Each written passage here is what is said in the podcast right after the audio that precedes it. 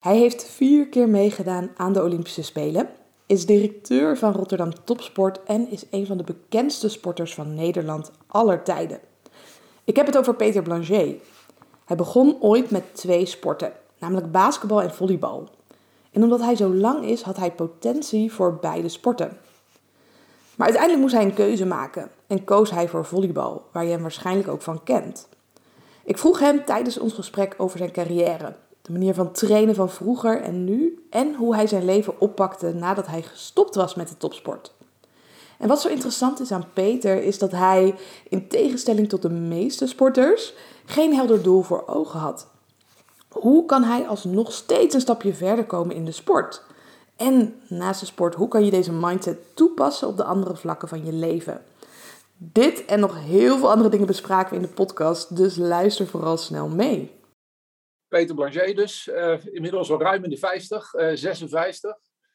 En ik heb in de vorige eeuw uh, ja, ik, eh, een beetje aan volleybal gedaan, zullen we maar zeggen. Als liefhebber begonnen. Uit een familie met nog een broer en een zus, allebei ouder. Die ook in de sport actief waren. En we zijn allemaal bij ons in de familie bovengemiddeld lang. Um, en dat betekent dat mijn broer en ik 2 meter 5 zijn en mijn zus is 1,90 nou, mijn broer volleybalde al. mijn zus uh, uh, basketbalde. Allebei ook een nationaal team. En ik hobbelde daar als uh, kleine jongen een beetje achteraan. Hè? Dus mee naar Schiphol brengen of naar de trainingen of naar wedstrijden kijken in de sporthal vlak bij ons. In Voorburg, de oude vliegermolen. Echte insiders van de sport in het Haagse, die kennen die entiteit nog wel. Dus ja, ik werd daar vroegtijdig mee besmet. En ik ben uiteindelijk zelf ook gaan, nou ja, gaan volleyballen en ook een beetje basketballen.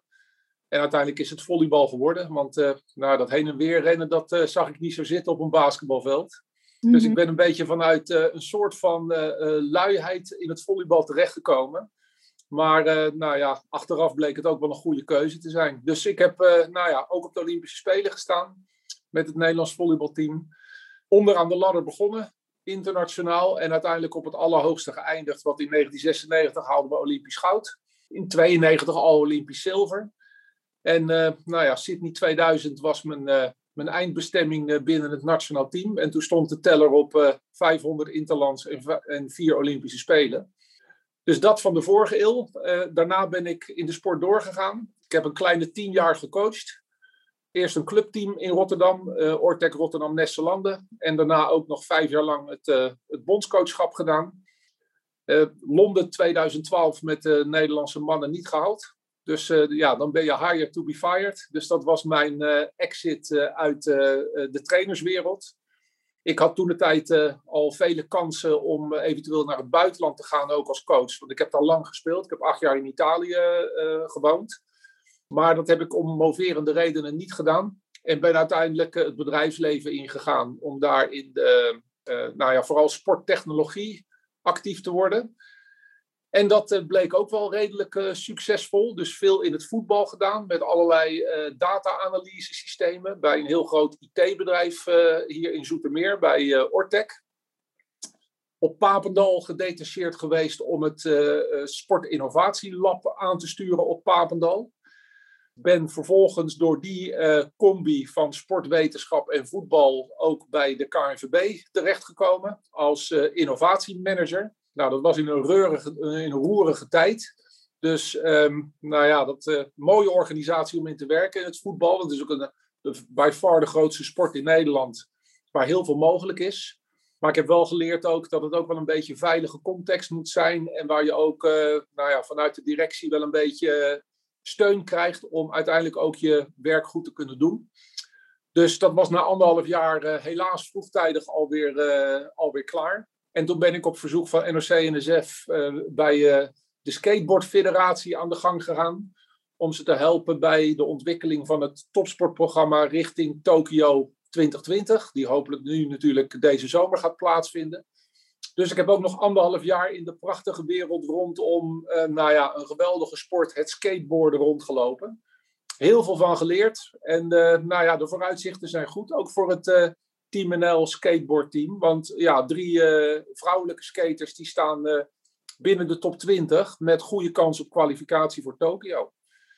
En uiteindelijk, ja, hier sinds anderhalf jaar bij Rotterdam Topsport als directeur terechtgekomen. Ik kende Rotterdam Topsport al een, ja, vanaf het bestaan, 30 jaar geleden.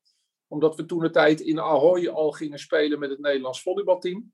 En gedurende ja, ook mijn jaren hier in Rotterdam als coach en daarna nog in losse projecten. Het uh, toernooidirecteurschap van het EK Volleybal in 2015 onder andere. Ja, uh, nauw betrokken geweest bij deze organisatie. En toen deze, deze plek vrij kwam, toen uh, ja, had ik al na één of twee vraagrondjes en gesprekken al wel het idee dat ik het heel erg bond moest maken, wilde ik het niet worden. Mhm. En uh, nou, inmiddels met heel veel plezier hier anderhalf jaar uh, werkzaam. Prachtige, prachtige organisatie, niet zo groot. We zijn met twaalf man. Maar we zijn de uitvoeringsinstantie van het gemeentelijk sportbeleid. En onze organisatie doet dan uh, de topsporttak. Dus vooral rondom evenementen en topsportprogramma's en talenten en topsportverenigingen die we hier in de stad allemaal hosten. Maar we doen dat niet alleen, we doen dat samen met ook Sport Support. Die doen de verenigingsondersteuning en de breedte sport. En het sportbedrijf, die beheren zo'n kleine 200 sportaccommodaties hier in de stad. Dus denk aan zwembaden, gymzalen, sporthallen en dergelijke.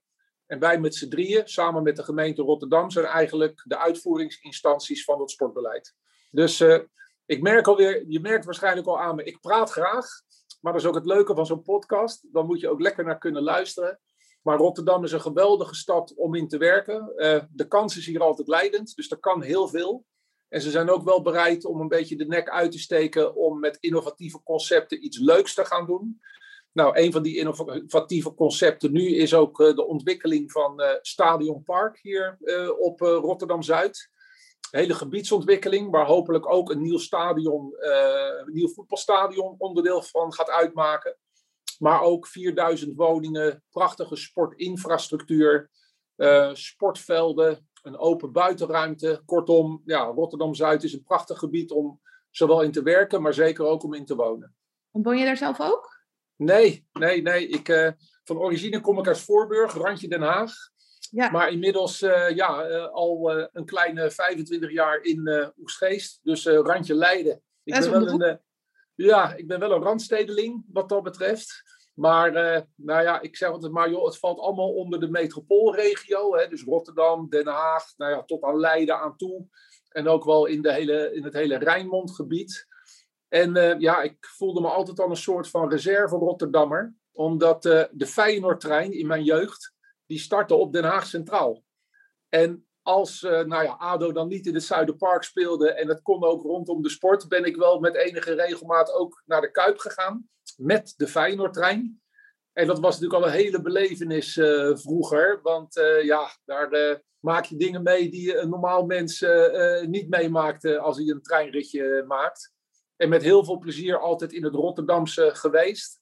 En ik heb hier ook mijn halve leven ongeveer gewerkt al dan niet als speler binnen de lijnen of als coach buiten de lijnen. En uh, ja, uh, uh, Feyenoord natuurlijk ook een, een, belangrijke rol daarin gespeeld. Dus ik voel me hier altijd enorm thuis. Vooral vanuit het feit dat er gewoon heel veel kan. En dat je werkt met leuke mensen, niet te veel poespas. Het is allemaal lekker recht voor zijn raap. Hè? Dus nee is ook een antwoord.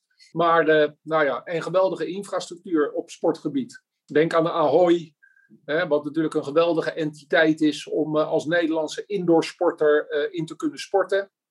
Um, nou, zo kan ik er nog wel een paar opnoemen, joh. Dus uh, ik voel me hier prima op mijn plek.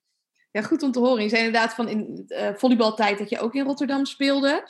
En je zei van, nee, ik heb in ieder geval mijn lengte mee gehad. Dat hadden je broers en zussen ook. En op een gegeven moment heb je de keuze dus gemaakt om helemaal voor het volleybal te gaan. Wat mm -hmm. maakt, denk je, dat jij zoveel beter was dan de rest, los van een stukje aanleg? Ja, poeh, het is natuurlijk altijd lastig om zoiets over jezelf uh, te zeggen. Maar uh, nou, ik ben al wat verder in het leven ook, uh, ook dan, dan jij. En heb ook al wel wat meer zelfinzicht hopelijk gekregen. En ik moet ook wel zeggen, ja, talent is natuurlijk wel iets wat handig is in de sport. Hè, jij natuurlijk die in de krachtsport uh, verder groot bent uh, geworden. Maar ik denk ook dat vooral je doorzettingsvermogen heel veel uh, er in ieder geval voor heeft gezorgd dat je talenten ook echt tot wasdom zijn gekomen. En bij mij geldt eigenlijk hetzelfde. Um, Kijk, talent is min of meer je toegangskaartje waarom je in mijn geval een sporthal binnen mag komen. Hè, en misschien interessant ben voor volleybal, omdat ik 2 meter 5 ben. En volleybal is, en lengte, dat gaat wel hand in hand samen. Maar vervolgens moet je natuurlijk aan de bak.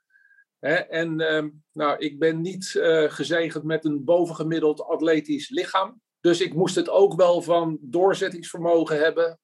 Een goede kop, echt wel strategisch inzicht hoe je ook het spelletje uh, handig en efficiënt kan spelen. Maar ook zeker wel van dat je niet bij de minste geringste tegenslag uh, je spullen pakt en nooit meer terugkomt. Maar het juist ziet als de uitdaging van nou oké, het lukt nu nog niet. Maar wat kan ik eraan doen om het straks wel te laten slagen?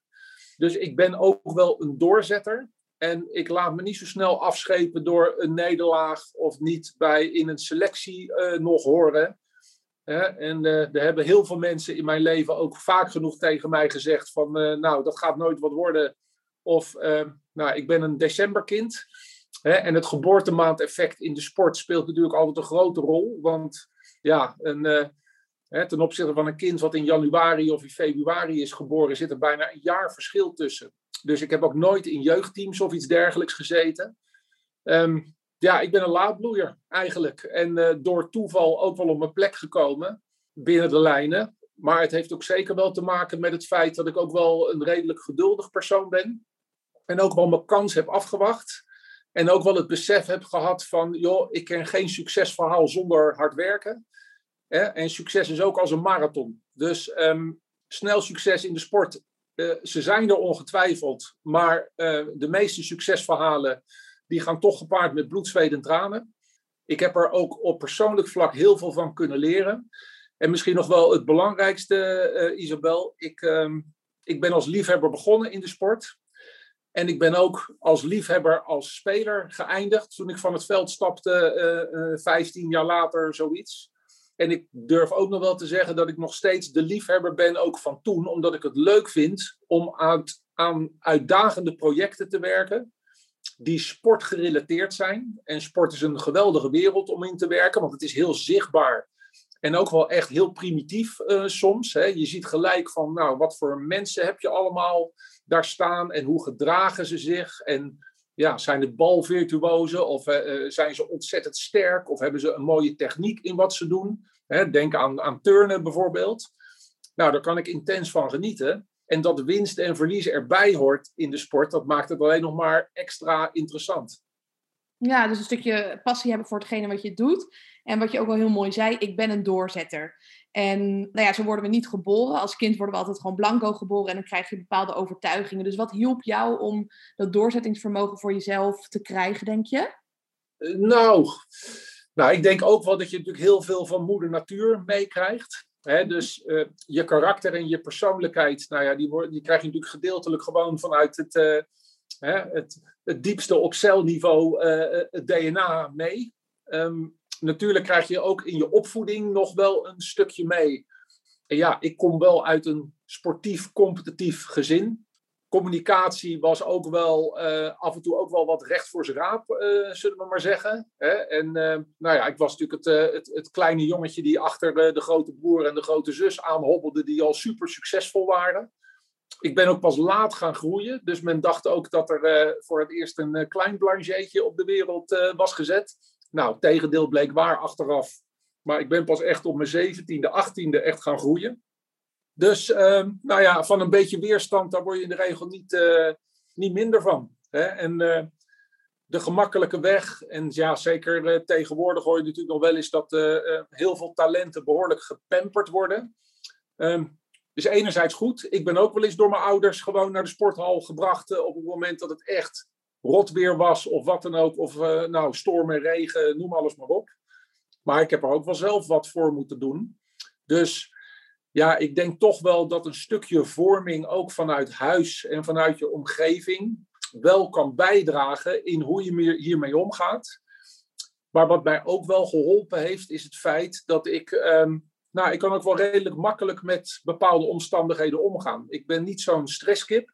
Sterker nog, um, ik ben soms wel eens gespannen, maar het heeft me nooit in de weg gestaan. Een goede bovenkamer erop, waarin je ook wel een paar stappen vooruit kan denken en waar je uiteindelijk wil uitkomen. dat het volgen van een bepaalde droom, of je ook gewoon lekker voelen op een bepaalde plek, en dat je denkt, nou, ik voel me hier happy en oké. En hier wil ik ook wel gewoon zijn, ook al kom ik nog niet echt lekker aan spelen toe, of ben ik al een van de key players in het geheel. Ja, ik, ik, ik liet me graag inspireren. Hè? En uh, ik heb ook, mag ook wel zeggen dat ik het geluk heb gehad dat ik veel inspiratoren om me heen heb gehad. Zowel in coaches als ook in medespelers. Of dat ik de context gewoon mooi vond.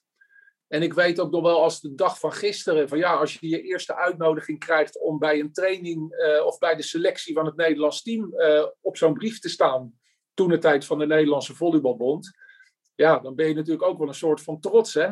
Dus ja. Uh, ja, weet je, al die ingrediënten bij elkaar maakt waarschijnlijk dat ik het ja, heb kunnen volhouden. En nou ja, dat het succes. Ik heb het nooit nagestreefd om Olympisch kampioen te worden. Hè? En natuurlijk wel eens een droom gehad om in een volle sporthal en dan de beslissende punten uh, daarbij betrokken te zijn of binnen de lijnen te staan. Natuurlijk heb ik ook mijn dromen gehad. Maar het is nooit mijn doel op zich geweest om ooit Olympisch kampioen te worden met het Nederlands volleybalteam. Dat daar geen plan voor uitgestippeld als klein jongetje van hoe je dat allemaal ging doen. Nee joh, en trouwens ook al had ik het uitgestippeld, ja, wisten wij veel op jonge leeftijd. Kijk, heel veel zaken in het leven die overkomen je gewoon. Hè? En wat we wel gedaan hebben, en ik ook gedaan heb, is gewoon hard werken, de tijd gunnen, uh, tegenslagen niet zien als uh, het kan niet, maar juist ook zien van nou oké, ik ben er nu nog niet. Maar het leven is nog wat langer dan vandaag. Wat kan ik er wel aan doen om ermee door te gaan? En ik sport er nou eenmaal graag. En ja, uh, en soms kies je een ander pad. En uh, kom je bij een andere club of bij een andere trainer. Of in mijn geval ben ik uit het nationaal team gegaan en naar het buitenland gegaan.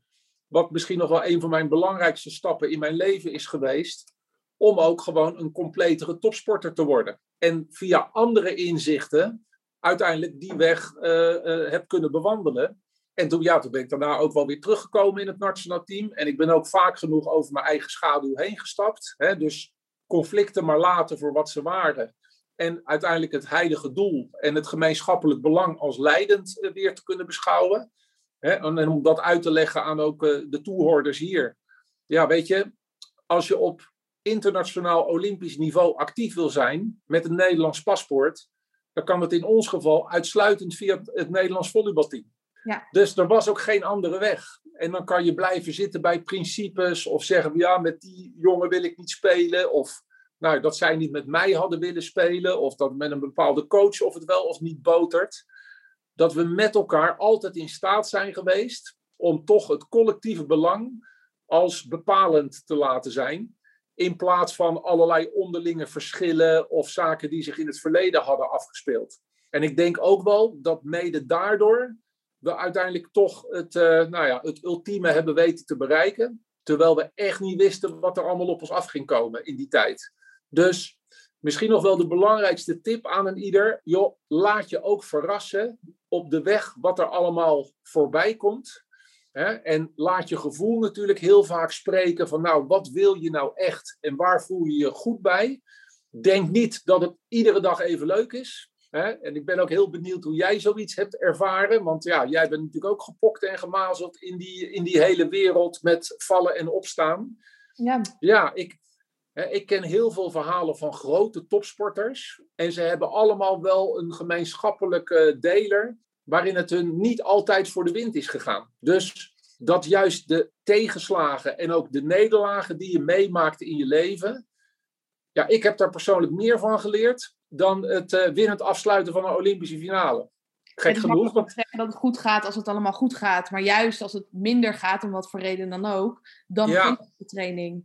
Ja, nou ja, dat, dat klopt natuurlijk. En dan uh, kom je er ook achter dat het leven soms wel eens heel erg eenzaam is, bijvoorbeeld. Hè? Ik had uh, nou ja, vier jaar in het Nederlands team gezeten toen ik er uiteindelijk uh, uit ben gestapt en ook uit werd verwijderd. Want in die tijd kon je of alleen maar voor het Nederlands team spelen, of je eigen pad bewandelen, maar dan zat je niet meer in het nationaal team. Nou ja, ik heb me toen natuurlijk ook echt beroerd gevoeld en eenzaam en verlaten. En je stapt uit een veilige context. En uh, ja, ik eindigde op Sicilië, in, in Catania. Geweldig eiland en ook uh, geweldige mensen en super temperamentvol. Alleen ja, met een beetje Engels of Frans of Duits kom je niet zo ver. Hè? Dat is ook wel handig als je de taal een beetje spreekt. En ook wel snapt dat Zuid-Italië een andere context met zich meebrengt dan hier het veilige Holland. Nou ja, daar heb ik echt wel even, daar heb ik echt wel moeilijke periodes gekend. Maar ik ben ze niet uit de weg gegaan. Weet je, dus ja, het, uh, het hele leven is een leerproces. En tot op de dag van vandaag, ja, ik zei al, ik ben inmiddels 56, maar ik leer nog steeds bij. En dat vind ik ook het mooie van het leven. Precies, je blijft altijd weer uh, reflecteren op bepaalde gebeurtenissen, kijken hoe je het anders had kunnen doen, beter had kunnen doen, of juist even stilstaan bij de successen. Je ja. zei, ik heb wel wat tegenslagen gekend. Welke tegenslagen kwam jij tegen in de sport? Nou ja, ik heb natuurlijk al benoemd, hè, uh, verschil van zienswijze. Ja. Um, ja, uiteindelijk uh, de, de ene coach die ziet het meer in je zitten dan de andere coach. Blessureleed. Ook niet onbelangrijk in de sport. Hè. Gaat, uh, als je iets uh, heel erg op de proef stelt, dan gaat er ook wel eens iets kapot. Uiteindelijk streven om medailles te halen en het net nog niet kunnen halen. Hè. Dus dat je toch ook in het zicht van de haven uiteindelijk het net niet redt tegen de eeuwige concurrenten. En in ons geval was dat vaak de, de Azzurri, de Italianen. Mm nou ja, toch wel uh, dat mijn uh, iets wat eigenwijze karakter en soms wel eens wat grote mond me ook wel eens in de weg heeft gestaan. Hè, ik kreeg het bijvoorbeeld voor elkaar om mezelf, toen we al Olympisch kampioen uh, waren, het nogmaals een conflict dusdanig op de, op de spits te drijven dat ik weer mijn spullen kon pakken uit het nationaal team. Ja, weet je, kan ik wel zeggen van ja, het ligt iedere keer aan een ander. Maar eh, als het je te vaak overkomt, dan moet je natuurlijk af en toe ook wel eens een keer in het spiegeltje kijken van, joh, ligt het nou niet echt aan jezelf? Hè? Dus ja, daar word je wel weer op de proef gesteld, uh, Isabel. En uh, nou ja, om het dan maar even over tegenslagen te hebben. Ja, dit zijn er wel een paar. Um, gezondheidsproblemen. Hè? Op een gegeven moment, uh, ja, ik kreeg blessures die daar niet echt bij een volleyballer pasten. Maar ik heb een uh, langdurig voetprobleem gehad. Uh, eigenlijk een balletdansersblessure. Dus uh, extreme botgroei in het enkelgewricht en in je middenvoet. Door een, ja, een, een, een eentonige belasting, een eenzijdige belasting. Heel veel op je tenen staan en draaien en springen en zo. Ja, dat, dat vond mijn voet niet al te leuk bloedwaardes die helemaal hoog tot de botel uh, gingen, omdat ik het, uh, nou ja, dusdanig laag HB-gehalte had, dat ik uh, het heelal iets te vaak begon te zien op het moment dat ik op de grond dook achter een bal aan of snel opstond en dergelijke. Nou, dat is natuurlijk ook niet altijd lekker. Dus nou, chronische vermoeidheid. Je spieren die hun afval niet meer kwijt kunnen, omdat je zoveel traint en met name speelt dat je lichaam niet meer fatsoenlijk kan herstellen. Nou ja, op hele late leeftijd vijver. Um, uh, daar word je in de regel ga je ook niet makkelijker van sporten. Uh, ja, dus weet je, het, uh, nou, ik heb wel wat gevraagd van mijn lichaam. Dat, dat is nou eenmaal zo. Alleen, ja, mijn kop zei altijd nog wel dat ik door kon. Hè? Dus dat is altijd een, een ingewikkelde spagaat waar je in zit. Wat ik al zei, joh, ik ben begonnen natuurlijk als amateursporter en uiteindelijk werd het mijn werk. Uh, twee keer per dag trainen, dubbele competities draaien, zowel bij de club als het nationaal team. Dus ik speelde gemiddeld uh, eh, 70 wedstrijden in een jaar. Twee keer ergens een weekje vakantie als het mee zat. Je had pas vakantie als je geblesseerd was, maar dan moest je ook nog wel vaak uh, aan de. Moet nog aan de, aan de fysio en. Ja, joh, en dan naar de fysio. En dan werd ik natuurlijk ook helemaal, helemaal tennis van. Want dan moest je nog allerlei vage oefeningen doen waar je eigenlijk geen zin in had, weet je wel. Dus ja, achteraf weet je, ik, uh, nogmaals, ik heb het een geweldige tijd gevonden. Ondanks het feit dat ik nu natuurlijk ook enorm geniet van mijn leven en mijn werk. En uh, nou ja, hoe je nu in het, uh, in het leven staat. Maar binnen de lijnen en zelf aan de sport kunnen doen. Ja, achteraf moet ik wel zeggen, het is nou, de mooiste tijd in je leven. Hè? En daarom kan ik ook iedere sporter aanraden om ook zo lang mogelijk, zolang als je lichaam het toelaat en je geest, om dit te blijven doen daarna komt nog een heel mooi gedeelte van het, uh, van het leven. Maar ja, goed, uiteindelijk word je toch wat ouder. En uh, ja, je hebt vaak wel uh, je lichaam en je krachtperiode nodig om goed aan sport te kunnen doen. Ondanks het feit dat ik ook op de dag van vandaag nog steeds ook wel op mijn manier sport. Hè, in de vorm van op een racefiets of wat in de, in de fitness. Nou ja, niet zoals jij dat natuurlijk doet of hebt gedaan. Maar ik ben wel lekker bezig. Hè? En de endorfine door je lichaam ja, daar wordt natuurlijk ieder mens gelukkig van. Dus ik kan ook iedereen aanraden, ook al ga je wandelen of lekker naar buiten of wat dan ook, maakt niet uit, maar beweeg. Kom in beweging inderdaad. En je zei ook van, ik, ik trainde toen veel. Hoeveel trainde jij in de week of, of per dag? Nou ja, toen we begonnen was het nog uh, drie keer in de week, soms vier keer in de week en dan twee uurtjes in de avond. Dat was uh, de topsport uh, anno 1980, zullen we maar zeggen. Dus heel lang geleden, 40 jaar terug. Nou ja, uiteindelijk toen we onder de grondlegger en die echt het Nederlandse volleybal heeft veranderd, good old uh, Arie Selinger, de, de vader van uh, de huidige bondscoach bij de vrouwen, Avital Selinger. Ja, die ging dat vier tot zes uur per week, daar maakte hij vier uur per dag van. Hè? En ook met een andere intensiteit. Dus daar hebben we echt wel een tijdje moeten wennen. Nou, vervolgens kwamen we er ook wel achter dat het misschien handiger was om vier uur achter elkaar om dat op te knippen in twee blokjes. Hè? Een blokje in de ochtend en een blokje wat later in de middag. Soms twee uurtjes, soms wel eens drie uurtjes uh, per sessie. Dus ja, dat ging toen naar uh, vier tot zes uur per dag. En dat heb ik wel een tijdje volgehouden. Ja, ja. Deed je dan fulltime de topsport of deed je er nog wat anders naast? Ja, nee, ik, heb, uh, nou, ik zat al in het derde jaar van mijn uh, beroepsopleiding toen, ik, uh, nou, toen het een beetje ging lopen in mijn carrière. Ik was toen eigenlijk al ik was 21 zo'n beetje. Dus ik heb dat uh, uiteindelijk ook nog afgemaakt, maar ik heb nooit in het uh, laboratoriumwerk gezeten, uh, uiteindelijk. Ja, toen, toen kregen we de kans om als ja, een soort van fulltime sporter aan de gang te gaan. En je had toen de tijd had je nog een, een studiebeurs. En nou ja, we kregen een minieme onkostenvergoeding van een paar honderd gulden in die tijd in de maand. Nou joh, ik was de koning te rijk joh, daar kon je gewoon van leven. En voor de rest, ja, je, je woonde als het ware in de sporthal. Hè? Dus eh, veel tijd om geld uit te geven had je ook niet. Nee, en, denk ik ook niet naar kroeg of uh, dat soort dingen doen. Nee joh, en we hadden nog geen mobiele telefoons en computers en weet ik wat voor uh, tierenlantijntjes uh, waar je je geld allemaal uit kon geven. Hè? Dus ja, dat was gewoon ook een andere tijd. Maar joh, het belangrijkste is waarschijnlijk ook, ik deed het gewoon graag. Hè? En, en daardoor hield je het ook vol en heb ik het ook nooit als belasting ervaren dat ik eh, 20 uur in de week in een, uh, in een sporthal uh, vertoefde. Of nou ja, 27 keer de wereld in de economy class ben doorgevlogen met het groepje lange mannen die niet helemaal lekker passen in de gemiddelde vliegtuigstoel. Ja, dat, de, dat, dat deed je gewoon. Hè? Dus weet je, uiteindelijk leer je ook omgaan met, nou, met veel reizen, met een zware belasting, met tijdsverschil. Ja, en dat is natuurlijk een heel proces.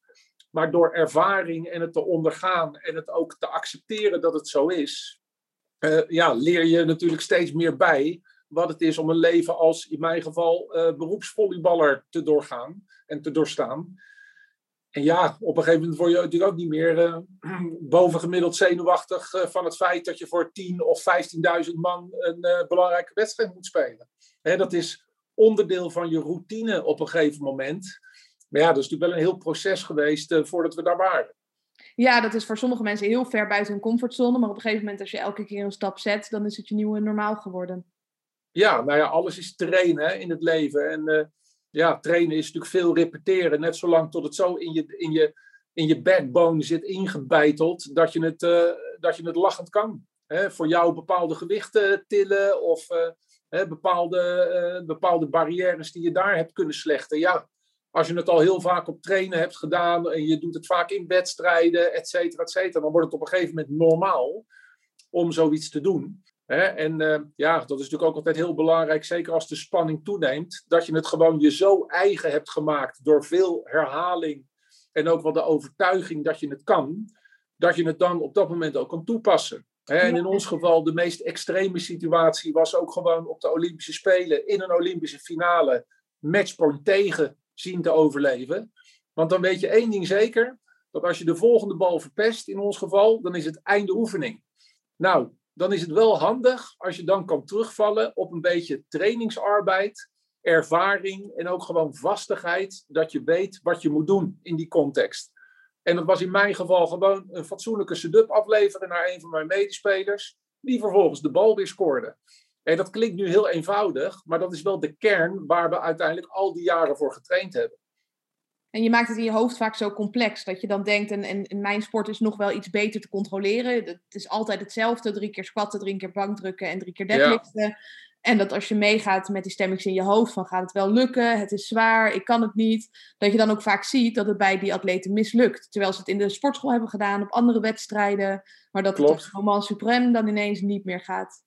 Nee, nou ja, en daar ook weer, je zegt het al terecht. Kijk, uiteindelijk gaat je geest bepalen of je lichaam in staat is om in de meest moeilijke omstandigheden gewoon uh, het kunstje te doen waar je jaren voor getraind hebt.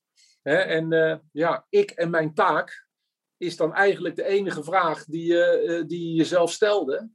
en ja, op matchpoint tegen, hè, er was ook een time-out van onze coach. Maar er is echt geen coach die jou in die context A nog weet te bereiken. Of B dan nog de instructies zou moeten gaan geven welke bal ik zou moeten gaan spelen. Want dan heeft hij daarvoor, zouden we ons werk niet goed gedaan hebben op de trainingen. Dus je bent ook wel op jezelf aangewezen om je in de meest moeilijke omstandigheden gewoon overeind te houden. En ook dat is natuurlijk training. En wij hebben heel veel wedstrijden gespeeld en ook wel wedstrijden die ergens om gingen. Ook WK-finale en EK-finales. Eh, allemaal verloren trouwens, op een paar na. Maar dat heeft ons wel gepokt en gemazeld om uiteindelijk zelfs in zo'n Olympische finale nog steeds ons ding te kunnen doen. En dat was ik niet alleen, maar dat waren mijn teamgenoten ook. Iedereen bleef rustig, cool. Hè? En als je die beelden nog wel eens terugziet, ze zijn natuurlijk gewoon uh, te googlen en uh, ze waren al in kleur. Dus uh, het is nog redelijk om aan te zien. Maar ja, we waren er ook gewoon klaar voor. Hè? En nou ja, het is misschien nog wel de ultieme bekroning voor het hele proces wat we hebben doorlopen. Dat we al die stadia uiteindelijk tot helemaal zelfstandig kunnen handelen en gewoon in de meest moeilijke omstandigheden ons kunstje te kunnen doen, dat we die hebben weten te doorlopen en dat we uiteindelijk ja, ook de ultieme beloning hebben gekregen. En misschien ook wel de reden waarom je vandaag uh, het leuk vindt om even met mij uh, daarover uh, te praten. Precies. Ja, één, één balletje wel of één balletje niet. Hè? Het kan een groot verschil brengen in het leven. En wat zegt een coach dan op zo'n moment dat hij even de wedstrijd pauzeert en, en jullie eruit haalt? Ja, nou ja, dat is natuurlijk een mooie. Misschien heeft hij wel wat zinnigs gezegd, maar ik zou het je echt niet kunnen zeggen. Kijk, we hebben natuurlijk een groep van twaalf spelers. Hè, zes die staan er binnen de lijnen.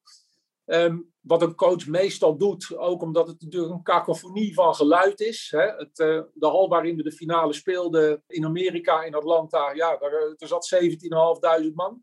Nou, die waren niet allemaal stil. Hè, dan komt er nog uh, dat we met publiek uh, speelden. Ik weet wel dat die één of twee spelers even persoonlijk uh, iets heeft gezegd. Maar joh, dat gaat vaak ook in de trant van, joh, uh, jongens, uh, volgende bal, die surf komt eraan of wat dan ook. Het, het, is eigenlijk heel oppervlakkig. Als, als hij daar nog een heel riedeltje gaat afdraaien ehm, van je moet dit of je moet dat, of denk aan zus of denk aan zo. Nou ja, dan zou ik bij wijze van spreken, als ik daar dan het voor het zeggen zou hebben binnen de Nederlandse Volleybalbond, de man direct ontslaan. Want dan heeft hij het echt niet helemaal begrepen. Maar goed, in ons geval, hè, we hadden Joop Albeda daar zitten. Uh, nou ja, een topper van het zuiverste water ook. Joh, je weet ook dan de context. En je hebt al zoveel met elkaar doorlopen. Hè. Uh, uh, onze coach zat toen ook al in zijn vierde jaar. Dus joh, we waren gepokt en gemazeld. nou ja, ik was al in de dertig, een van de oude knarren toen de tijd. Dus die laten zich al helemaal niet meer uh, coachen op een gegeven moment. Ik zeker niet als eigenwijze uh, figuur. Maar goed, ik moest het ook zelf bepalen hè, binnen de lijnen als spelverdeler. Want ja, uh, iedere bal ging min of meer door mijn handen in de aanval. Dus dan is het ook wel lekker als je daar iemand hebt staan die ook wel beslissingen durft te nemen. Hoewel ik de laatste zal zijn die zal zeggen dat iedere beslissing voor mij altijd even goed uitpakte. Maar ik nam wel een beslissing. Hè? En ik heb ook wel door de sport geleerd van joh, niet iedere beslissing in je leven wordt een succes. Maar geen beslissing nemen is misschien wel de allerslechtste optie. dus neem een beslissing, ook al is het de foute, dan kan je altijd nog wel een, daarna weer een beetje uh, fine-tunen. Maar neem wel een beslissing. Ja, ja, anders dan blijf je rondjes draaien over de rotonde en dan neem je de afslag en kom je erachter, hé, hey, dit is niet helemaal, dan kan je altijd weer terug. Ja, nou ja, als je doet wat je deed, dan uh, krijg je wat je kreeg. Hè? Dus uh, ja, joh, het zijn allemaal inkoppertjes. Maar, maar zeker, ja, maar ze zijn allemaal waar. Hè? En zeker als er een beetje druk eh, op komt te staan.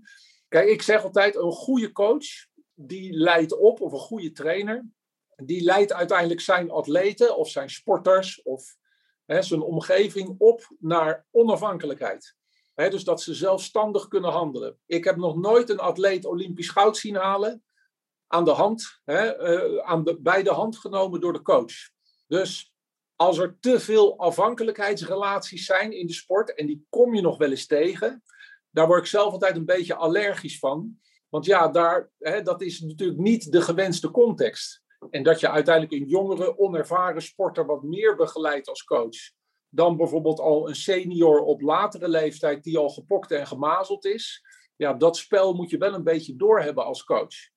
dus ook het, het coachvak, wat ik natuurlijk na mijn eh, actieve carrière uh, lange tijd heb gedaan dat heeft me zeker op dat vlak ook wel heel veel inzichten gegeven. En ook wel uiteindelijk het respect voor mijn toenmalige coaches toen ik speler was.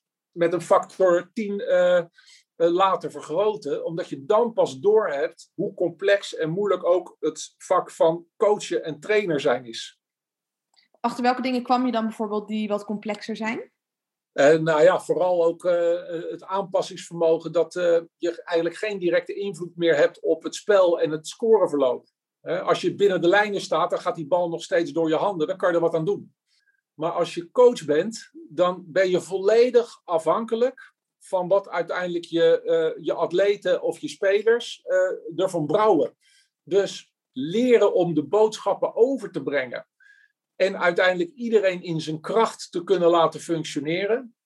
Ja, dat is echt wel een uitdaging geweest. En ook wel het besef van, ja, je kan wel zeggen, joh, je moet het zus doen of je moet het zo doen. Het belangrijkste is dat ze natuurlijk vooral zelf gaan bepalen en gaan zeggen hoe ze het hebben willen. En dat het ook nog een beetje rendement oplevert. Dat is niet onbelangrijk in de sport. In jouw geval ook, op een gegeven moment weet je ook dat je een bepaalde hoeveelheid kilo's moet kunnen verplaatsen en bepaalde uh, technieken en kracht moet hebben om dat voor elkaar te krijgen. Maar wat voor jou misschien wel goed werkt, wil niet zeggen dat het voor, je, voor een andere krachtsporter goed werkt. Dus je hebt vaak verschillende aanpakken, hè, waarin je lichaam en geest uiteindelijk in het reine met elkaar wil brengen, zodat er een goede output komt. Hè, in het geval van de sport, ja, het moet ook ergens toe leiden. En in de topsport gaat het ook wel om winst of verlies. Hè, dus ja, dus je moet het ook niet moeilijker maken dan het is. Maar vooral verschillende coachstijlen en hoe je iemand ook kan raken en kan, kan, kan bereiken.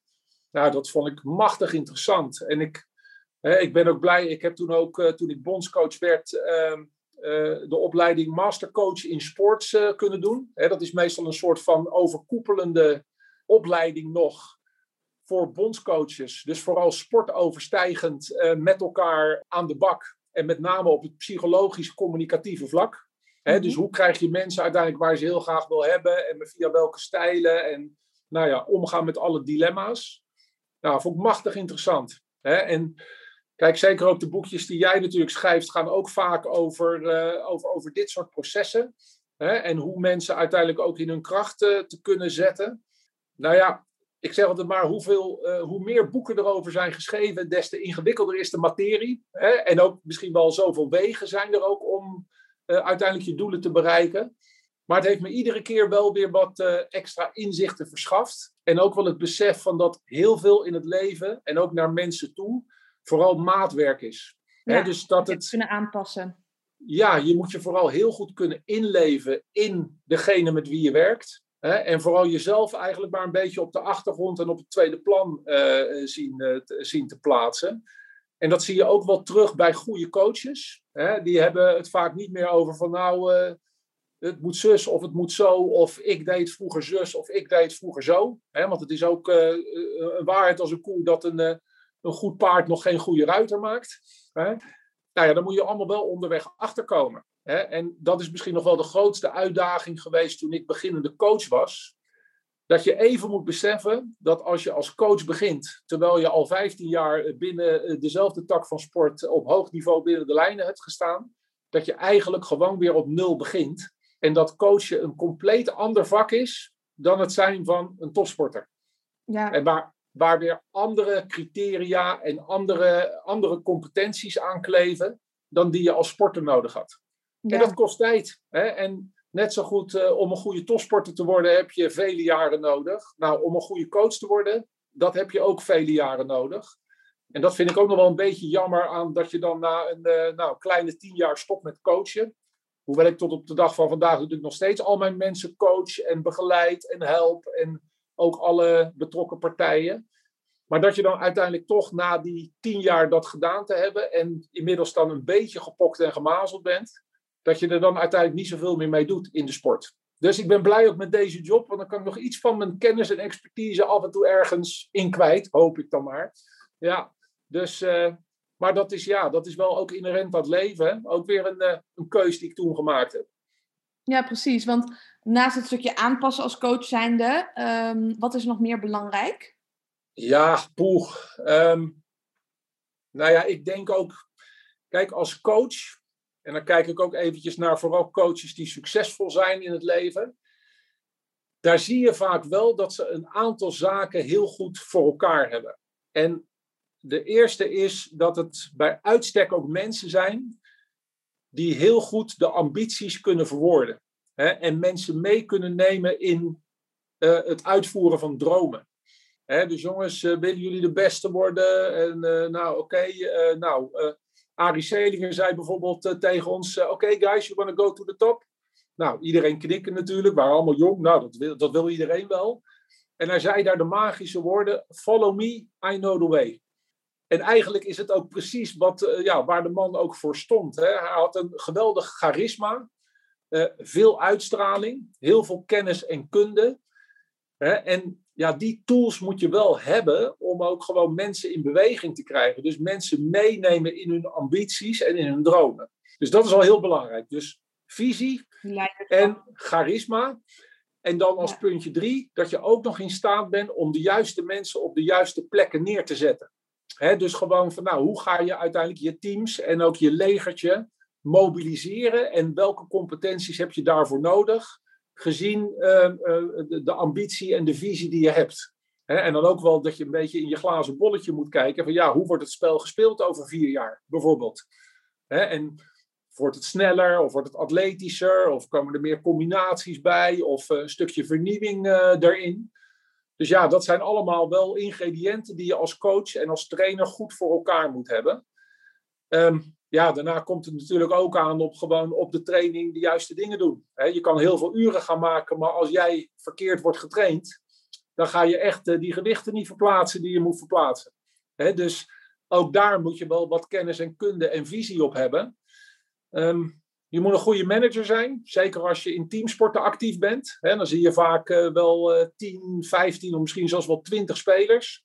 Of in het geval van een voetbalploeg is het soms zelfs nog meer.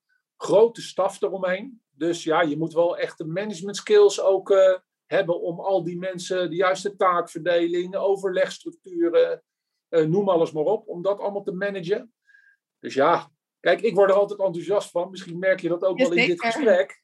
Hè? Maar het is onwijs complex. En juist die complexiteit, hè, dat heeft mij altijd heel erg geïntrigeerd. Ik ik vind het ook wel leuk om met heel veel verschillende ingrediënten en vraagstukken, om daar dan uiteindelijk bepaalde keuzes in te maken die ervoor zegt, jongens, we gaan het op die manier doen. En ik kan het ook nog uitleggen waarom je het op die manier kan doen. Dus ja, als coach, joh, je moet kennis en kunde hebben van het spelletje. Je moet kunnen communiceren. Je moet een strateeg zijn. Uh, je, nou ja, je moet min of meer de uitstraling van een filmster hebben. Nou ja, de kans dat je dit allemaal hebt, hè, die is natuurlijk nagenoeg nul. Maar nou ja, het wordt als coach wel van je verwacht. Om kunnen gaan met de media en met de druk van buiten. Dat zie je met name in het voetbal natuurlijk. Dan ben je in een extreem glazen huis ben je bezig. Je moet stressbestendig zijn. Iedereen dus uh, ja, eigenlijk is het onmogelijk, uh, concludeer ik nu al, om dit ja. allemaal te hebben. Dus uh, joh, het, maar gewoon een beetje ploeteren en ook niet bang zijn om op je, mel, op je mel te gaan, plat gezegd. Ja, joh, dat, dat moet wel een beetje bij je passen. Dus ik kan, ook, ik kan het iedereen aanraden, maar wel daarbij zeggen, het is ook niet voor iedereen geschikt. Hè? Nee, en ook, hè, doe niet zomaar. Je hebt een opleiding natuurlijk gedaan, uh, je hebt meters gemaakt, je hebt meegekeken, je bent vanaf onderaan begonnen. Ja, ja nou, dat vind ik ook wel goed. Hè? Je, je moet ook wel, nou ja, alle geledingen hebben doorlopen om er ook iets van inlevingsvermogen bij te kunnen opbrengen. Um, wat het nou daadwerkelijk inhoudt.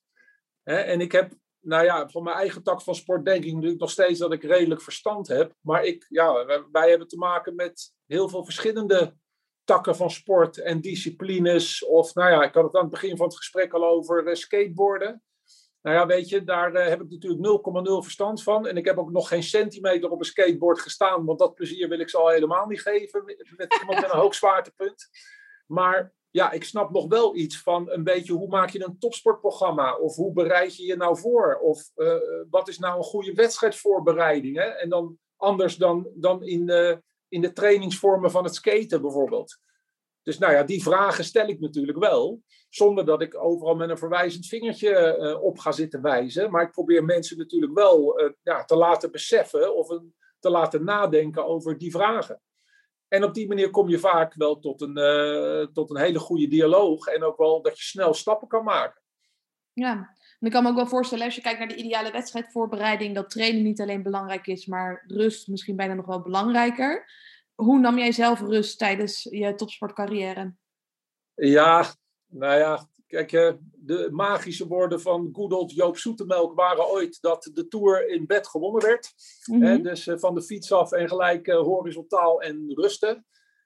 Nou ja, volleybal, daar hebben we natuurlijk nog relatief makkelijk. Want het is geen extreme duursport.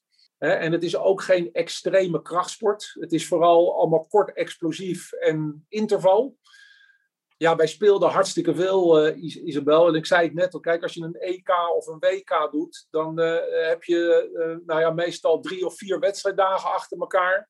En dan ergens een rustdag, is meestal een verplaatsingsdag. En dan heb je weer zo'n riedeltje achter elkaar. En dan, nou ja, voor de Final Four heb je nog een keer een verplaatsingsdag daarvoor. En dan moet je de halve finale en de finale spelen als het, als het mee zit. Dus ja, je gaat natuurlijk compleet verrot.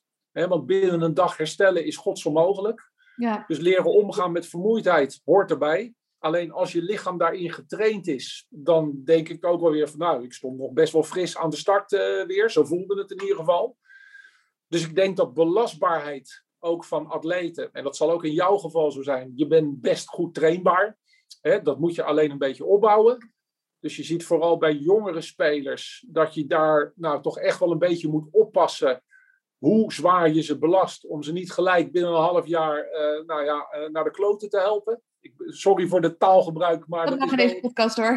Hetgeen uh, wat, er, wat de lading goed omschrijft. Ja, weet je, ik, ik had niet eens zozeer behoefte aan fysieke rust, maar vooral om je bovenkamer en je geest nog een beetje weer te laten ontstressen en te laten ontspannen.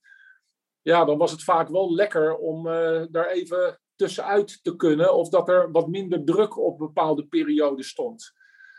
Wat mij altijd enorm hielp, was ook gewoon het feit, eh, in wedstrijden maakte je wel eens moeilijke momenten mee. Dat ik vaak dan dacht, meestal een dag na de wedstrijd hadden we of een ochtendje vrij of soms wel eens de hele dag. Maar wat ik dan uh, bedacht ook in mijn hoofd was, joh, wat ga ik morgen doen? Om gewoon mijn gedachten te verzetten vanaf het moeilijke moment en het stressmoment in het spel naar een ontspanningsmoment van, joh, wat ga ik morgen doen? Nou, daar had ik dan even 10 seconden de tijd voor, of tijdens een time-out. En ja, sorry, dan luisterde ik dus niet naar een coach als hij überhaupt al wat tegen me zei, maar dan was ik zelf in mijn eigen gedachten. En daarna kon ik me dan wel weer wat makkelijker focussen om weer in het spel te komen. Dus even eruit, hè, eh, vergelijk het met uh, even de boog ontspannen laten zijn, om hem vervolgens weer op spanning uh, te zetten.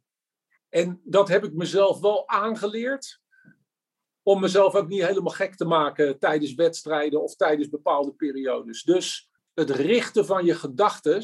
En ik, ik kan daar helaas geen ABC'tje voor aanreiken van joh, doe het zus of doe het zo. Nee, hè, is iets heel persoonlijks. Maar ik wist wel van joh, ik moet af en toe gewoon de ontspanning pakken.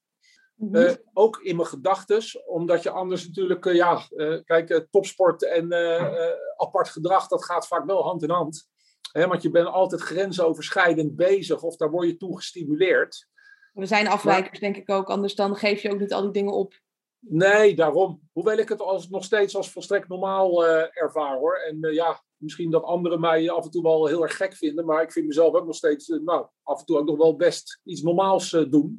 Mm -hmm. dus ja, weet je, het is ook een beetje de context waarbinnen je moet opereren die dan ook vereist dat dit gedrag er ook bij komt. Hè? En dat je af en toe heldere keuzes maakt of verder gaat waar anderen misschien al lang hadden gezegd van joh, ik, uh, hier haak ik af.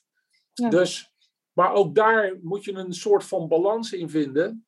Terwijl ik ook wel durf te zeggen van ja, ik ben natuurlijk ook wel behoorlijk ver over de grenzen heen gegaan. Hè? En ik heb vele pijntjes niet gerespecteerd, maar ze vooral onderdrukt. Hè? Ook met medicatie, waarvan je achteraf zegt van nou, is het nou verstandig om iedere dag met pijnstillers te gaan trainen? Hè? Maar dat deed je wel gewoon. Dus ik zei, ja, jongens, eh, sorry, maar de, de, Olympische Spelen gaan ze, gaan ze ook niet verplaatsen. Dus uh, ze gaan echt niet wachten totdat ik pijnvrij ben. ja, je gaat gewoon door, joh. Hè? En uh, ja, nogmaals, gelukkig werden wij altijd goed begeleid. Hè? Natuurlijk ook een teamarts die altijd onderdeel uitmaakte van onze ploeg. Maar ja, als je dit tegen een normaal mens zou aanhouden, dan, dan snappen ze er natuurlijk helemaal niks van. Dat je zo ver kan gaan, terwijl het onderweg gewoon gebeurt. Hè? Ook bij ons. Dus uh, ja, ik doe er ook niet moeilijk over. Kijk, topsport is grenzen verleggen. Mhm. En grenzen verleggen gaat vaak gepaard met zowel fysieke pijn als ook geestelijke pijn. Zowel in de negatieve zin des woords als in de positieve zin. Ja. Maar uh, ja, het, het, hoort er wel bij. En het is ook wel de context die je daar af en toe toe verleidt om dat te doen. En je zei inderdaad van dan train ik met pijnstillers op en dan ging je naar de Olympische Spelen alsnog. Hoe was je herstel dan na zo'n grote wedstrijd? Nou ja, er waren natuurlijk altijd wel periodes waarin je niet, uh, nou, het lichaam dusdanige signalen afgaf dat het uh, beter was om een beetje te doseren, zullen we maar zeggen. Mm -hmm. um, nou ja, dat is misschien een leuk voorbeeld. Ik denk dat de meeste mensen dat ook wel herkennen. Maar als je een, uh, ja, door of ziekte of kiespijn of andere lichamelijke pijnen een beetje moet afbouwen van medicatie, dat moet je ook natuurlijk een beetje gedoseerd doen. En ik weet ook nog wel, kijk, bij volleyballers, ik had altijd natuurlijk chronisch last van mijn Achillespezen, die eigenlijk altijd een soort van uh, permanent ontstoken waren. Uh, kniepezen door het vele vallen, die er ook niet echt beter op, uh, op werden. Dus nou ja, de pijntjes die je dan vaak aan knieën of aan Achillespezen of mijn rug met name ook dan voelde op het moment dat je, nou ja, weinig of geen pijnstillers ook gebruikte nou ja, dat waren natuurlijk niet de meest prettige periodes. Want dan vooral ook de warming-up doen en beginnen met hardlopen als je pijnlijke Achillespezen hebt. Nou, degene die ooit een Achillespees blessure hebben gehad, die weten waarover je praat. Het is echt heel vervelend. Als je er eenmaal doorheen bent, dan gaat het wel. Dus ja, we doseerden dan wel om ook ervoor te zorgen van nou, op dat moment moet je helemaal top zijn. Uh, wat gaan we dan in de weken daarvoor allemaal doen? Of wel of niet uh, uh, aan belasting erop loslaten om dan optimaal aan de start te verschijnen. Maar ja, dan kwam altijd weer natuurlijk eh, de leuke spagaat. Wij moesten natuurlijk bijna altijd spelen. Hè, dus dan werd er wel eens wat gedoseerd of mocht ik wel eens een keer ergens een training laten schieten. Maar als puntje bij paaltje kwam, moest ik toch altijd spelen. En ik wilde eigenlijk ook altijd spelen. Dus ja, dan ging je maar weer. Hè? En uh, nou ja, uiteindelijk het voordeel van altijd maar actief zijn, is ook dat je bijna niet uit ritme kan raken dus ja, ik hobbelde eigenlijk jaar in jaar uit, maar op die manier door. En af en toe waren de blessures wel dusdanig dat ik echt even tussenuit moest. Maar uh, nou ja, joh, ik, ik deed het vooral graag. En de wedstrijden hebben mij echt wel overeind gehouden. Want ik ben een heel sterk competitief dier. Ik ben niet zo'n trainingsbeest. Maar als het scorebord aangaat, dan uh, werd ik altijd ja, bovengemiddeld getriggerd. En dan voelde ik ook niet meer zoveel pijntjes of beperkingen waarom ik uh, er niet eigenlijk uh, vol in wilde klappen.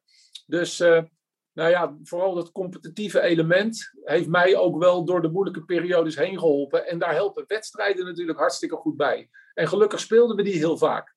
Dus ja, dat is een beetje hoe ik er doorheen kwam.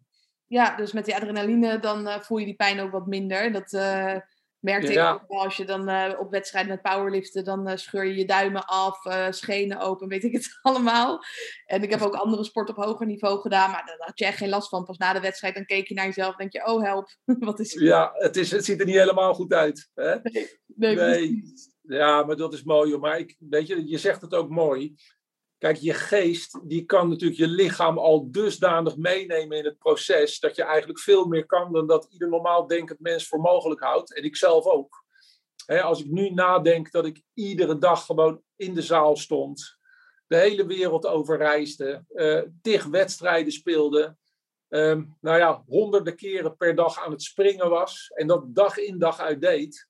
Terwijl als ik nu uh, nou, ik probeer nog wel eens wat de touwtjes springen en zo. Nou joh, het is echt een, het is echt een struggle gewoon. Hè? Dat kan je niet meer voorstellen dat je zo belastbaar was in die tijd. Dus ja, dat, uh, ja joh, het, het, het, menselijk lichaam kan veel meer uh, dan, we, dan we met z'n allen denken. Ja, vele malen meer. Het is uh, ongelooflijk wat je, als je met je geest zeg maar de, die kant op gaat, dan volgt je lichaam wel. Ja, nee, zeker. Zeker. Dus joh, het is een heel mooi proces. En nogmaals, ik heb echt het geluk gehad dat ik altijd in hele leuke, uh, motiverende contexten heb kunnen staan. Um, ook verschillende contexten, hè, ook sporten in het buitenland. Ja, heeft mij ook heel veel extra's en heel veel extra inzichten opgeleverd. Met name hoe ze daar ook omgaan met de topsportcultuur.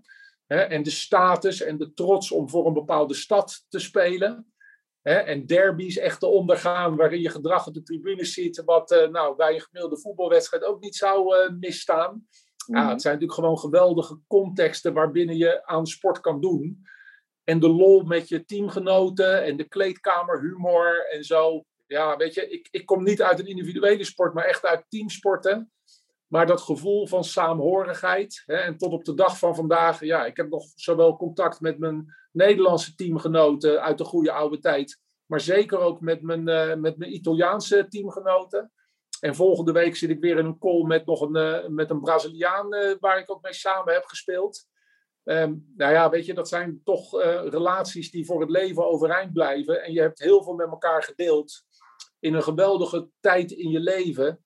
Dus ja, daar kijk je alleen maar met heel veel plezier en trots op terug. Zeker naarmate je wat ouder begint te worden. Ja, en als je nu naar de toekomst kijkt, welke doelen heb je nog voor de toekomst? Ja, nou, ik kan natuurlijk redelijk mijn, uh, mijn ei kwijt binnen Rotterdam Topsport. en uh, nou ja, we willen sowieso van Rotterdam, uh, ze doen het al aardig, maar we willen daar echt de topsportstad ook van Nederland van maken. Niet alleen op evenementenvlak, maar zeker ook met allerlei topsportprogramma's die we hier in de stad gaan hosten. We hebben afgelopen week het uh, Kano Sprint programma uh, gelanceerd op de Willem-Alexanderbaan. Die ligt op het randje Rotterdam-Zevenhuizen uh, bij de Rottermeren.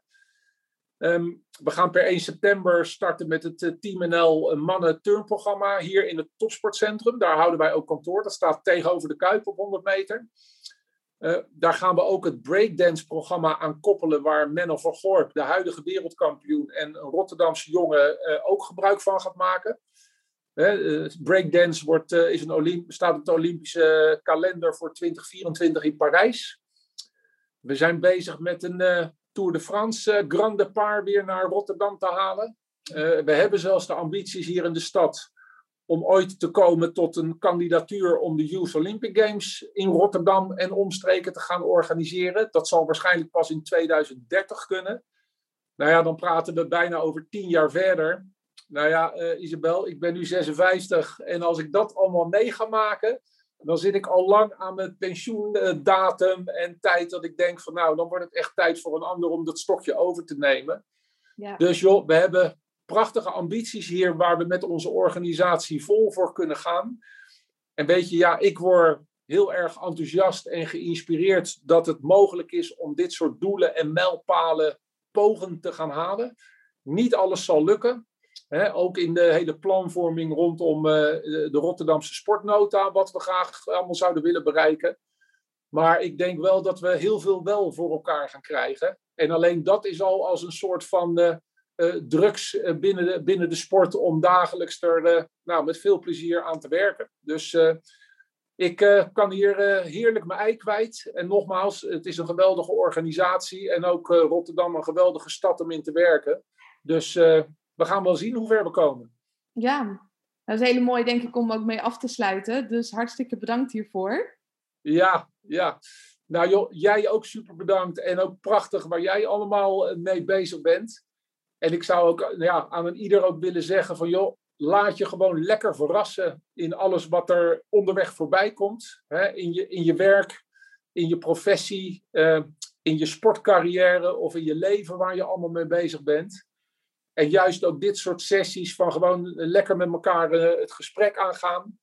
Ja, ook dat triggert al en is vaak alweer leerzaam om uh, te denken van nou, weet je, ja, misschien, nou, is best een leuk verhaal. Of zo zou het misschien ook kunnen. Hè? Of misschien moet ik een beetje geduld opbrengen om, uh, Hè, om, om te wachten tot het succes uh, wel wordt uitgedeeld. En dan misschien nog als laatste one-liner. Uh, ik heb hem niet zelf verzonnen. Maar er zei ooit iemand tegen mij dat als succes wordt uitgedeeld, dan moet je zorgen dat je in de buurt bent. Dus stop niet te snel. Blijf werken aan je contexten en aan je dromen. En je zal zien dat er misschien wel meer op je afkomt in positieve zin dan je misschien op dit moment uh, voor mogelijk houdt. Ja. En ik ben ook heel erg benieuwd, uh, zijn er nog andere mensen waarvan je zegt van nou ga daar eens het gesprek mee aan, die zijn ook leuk voor je podcast om te vragen? Ja, nou ja, weet je Isabel, um, kijk alle mensen die in de sport of topsport actief zijn, die hebben altijd wel een mooi verhaal om zich heen hangen. Uh, ja, weet je, hier in Rotterdam, degene die mij ook wel inspireren, uh, Noeska Fontijn, hè, de, de vrouwelijke bokster. Um, ja, Bart Deurlo is een, uh, is een hele leuke gast, een turner. Hè, de uh, Epke 2, noem ik hem altijd maar, is ook een rekstok virtuoos. Um, ja, aan de, aan de, aan de judo-kant, de judoka's, Jules Fransen, Marine ja, de Verkerk. Inderdaad. Ja, roeister, Marieke Keizer. Ook, uh, ook een mooie sportster. Uh, ja, we hebben natuurlijk in, uh, in, in teamsportverband hier uh, een aantal mooie entiteiten. Ja, ogenblikje. Een paar mooie entiteiten die, die interessant kunnen zijn. Denk aan een speler van Feyenoord basketbal bijvoorbeeld. Hoe is het om in een Feyenoord shirt te spelen in een andere tak van sport? Mm -hmm. En misschien moet je ook eens kijken van, de, nou ja, ik ben natuurlijk ook een beetje in sportorganisaties uh, werkzaam. Maar uh, nou ja, ook, ook in die context kan je natuurlijk wel eens een keer uh, kijken. Een Toon van Helfteren, de bondscoach of de, de coach van Feyenoord basketbal. Een hele bijzondere man. Ook oud international. Ja, die gaat al richting de 70. Maar nou ja, als je hem ook qua um, ambitie en energie ziet, dan denk je dat hij nooit oud wordt. Ja, dat is, is, gewoon een leuke vent ook. Een hele bijzondere man. Ja, maar uh, ik denk dat je daar ook best wel wat, uh, wat leuks mee kan organiseren. Top. Nou, ik heb ze in ieder geval opgeschreven, de namen, dus ik ga ze zeker even benaderen. Ja, joh, en, en, weet je, Isabel, laten we ook afspreken dat alles, als het weer een beetje kan, dat je ook een keer onze kant op komt en dan praten we een keer even gewoon face-to-face bij, of ik laat je wat zien waar we hier allemaal mee bezig zijn. Ja, superleuk. Dan, dan gaat het allemaal vanzelf, joh. Ja, dat komt helemaal goed. Dan kom ik sowieso een keer langs. Dus laat vooral weten als het weer open is. Ja, ja nou joh, we, moeten, we verwachten toch uh, tegen de zomer. En uh, nou ja, vanaf 1 september hebben we hier een geweldige turnhal. Wie weet is dan een, uh, een mooi moment om eens even, even langs te komen. En dat we even nader kennis maken dan alleen achter een beeldschermpje. Precies, ja, ik heb tot mijn achttiende geturnd op hoog niveau, dus uh, dat vind ik fantastisch, de turnhal. Nou, de, de tumblebaan ligt voor op je te wachten, zeg ik dan maar. Lekker, kijken of ik het nog kan. ja, nou, pas maar op, doe dat eerst maar even heel stiekem uh, zonder uh, dat iemand het ziet, weet je. precies, precies. Ja, ja, nee, lachen joh, lachen. Nou joh, jij ook heel veel succes met alles waarmee je bezig bent. En ja. nou joh, als er wat is, of je wil wat vragen of wat dan ook, geef een belletje of een mailtje of wat dan ook en dan komt het helemaal goed. Ga ik doen. Hey, hartstikke bedankt. En ik zou even laten weten als de podcast ook online staat. Ja, leuk joh. Dan uh, ga ik eens even luisteren wat voor onzin ik allemaal weer heb uitgekraamd uh, in deze. Precies. Is goed. Ja, oké. Okay. Fijne hey, succes hè. Doeg. Doei.